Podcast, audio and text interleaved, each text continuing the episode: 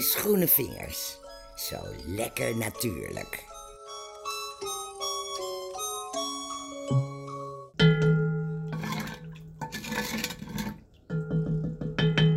Zo hé, dat ruikt lekker.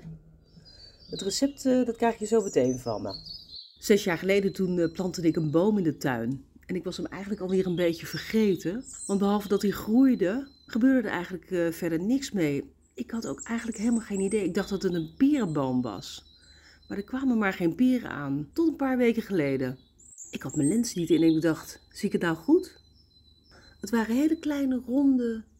Geen peren, het waren pruimen. Ik had dus zes jaar geleden een pruimenboom geplant. En lekker dat ze zijn. En zo zacht en zo sappig. Even schudden aan de boom. En de pruimen vliegen je om je oren. En dus heb ik lekker pruimenchutney gemaakt. Heerlijk.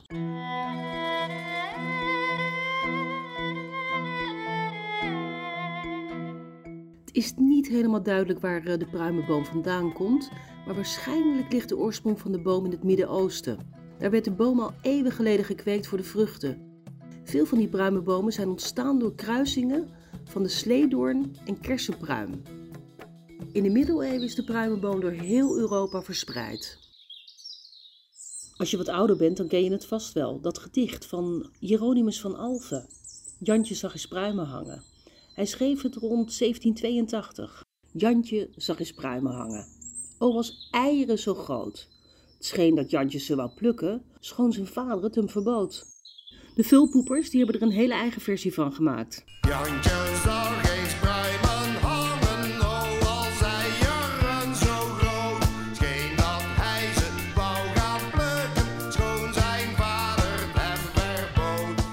Jerommeke uit Susk en Wiske, die draagt in de ijzeren schelvis ook de pruimenboom voor, maar dan in telegramstijl.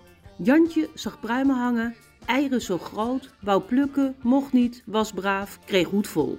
En de Hagenaar Paul van Vliet, die gaat helemaal los. Jantje Pietje Kluisje zag eens pruimen, appels, peren hangen. O als eieren, o als beieren, o als Vlaanderen zo groot, rood, bloot. Het scheen dat Jantje Keesje Koosje wou gaan plukken, rukken, drukken. Schoon zijn vader, moeder, broeder het hem verbood. Dit is de elektronische secretaresse van Annie Schoenenvingers. Laat een boodschap achter na de piep. Annie, Annie, Annie, Annie. Ik zit hier ook te pruimen. Ik vind er niks aan. Annie, het is eigenlijk niet te pruimen. En weet je wat eh, pruimen in het, eh, in het Engels betekent? Betekent bloem. En daar heeft uh, Trea Dobbs heeft daar een liedje over gemaakt. Bloem, bloem, zo gaan de gitaren. Zoem, zoem, zo gaan alle snaren. Roem, roem, roem, zo gaat de trom. En mijn hart dat gaat van je rom, bom, bom. De pruim is uniek, omdat hij niet in het voorjaar bloeit, maar midden in de winter. In Taiwan wisten ze ook dat die pruimenboom uniek was. Want op 21 juni 1964 werd de pruimenbloesem uitgeroepen tot de nationale bloem van Taiwan. Het is een symbool voor veerkracht en doorzettingsvermogen. Want de pruimenbloesem bloeit op haar mooist in strenge wintersneeuw.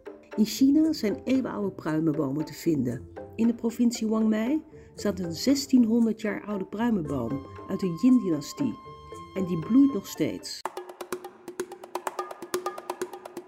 Pruim heeft heel veel verschillende betekenissen. Het kan slaan op de vrucht van de pruimenboom, op de pruimenboom zelf.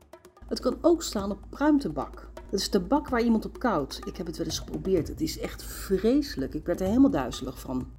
Mijn opa deed het. Het gebeurde heel veel in de vorige eeuw. En het waren vaak mannen die het deden en een enkele vrouw. En door dat kauwen kregen ze dan een bruinige rand rondom hun lippen. Ik vond het heel onsmakelijk. Pruim kan ook betekenen vrouwelijk geslachtsdeel. In de clichémannetjes zetten Van Coot en de Bie de pruim op sap. Nou, dan weet je wel waar ik het over heb, hè? Maar heb jij daar dan eh, problemen mee met pompen? Nee, verder niks. Niks, geen klachten of zo. Nee, dan moet je het even zeggen.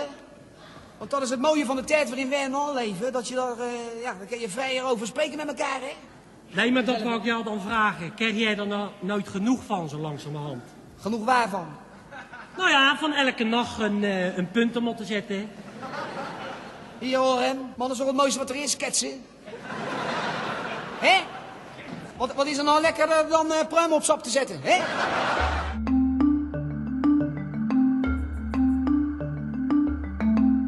De pruim is een echte superfood. Het werkt heel goed als laxeermiddel, want er zit sorbitol in en dat stimuleert de darmen.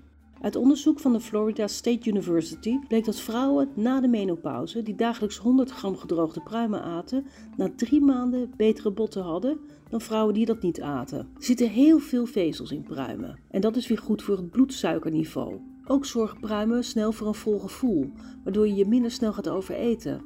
De pruim bevat heel veel kalium en dat is effectief tegen hoge bloeddruk. Als je dan snel moe bent of ijzertekort hebt, is het ook goed om pruimen te eten. In de pruim zelf zit niet zoveel ijzer, maar die pruim die zorgt er wel voor dat ijzer sneller wordt opgenomen.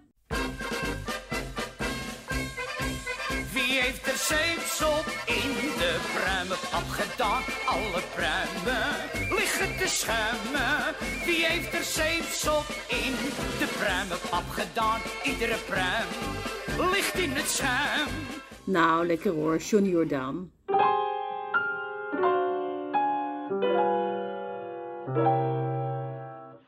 Trouwens, er zijn ontzettend veel verschillende pruimenrassen met mooie exotische namen. Anaspat, Belle de Louvain, Bleu de Belgique, Tsar, Hausschwätze, Monsieur Hatif, Reine Claude en Reine Victoria. Ram ram pam. Oh ja, die chutney hè? Die had je nog van me te goed. Wat heb je nodig? 2 kilo pruimen, gehalveerd en even ontpitten. 2 of 3 grote uien, pellen en snipperen. 4 grote knoflooktenen. 2 kleine rode pepers.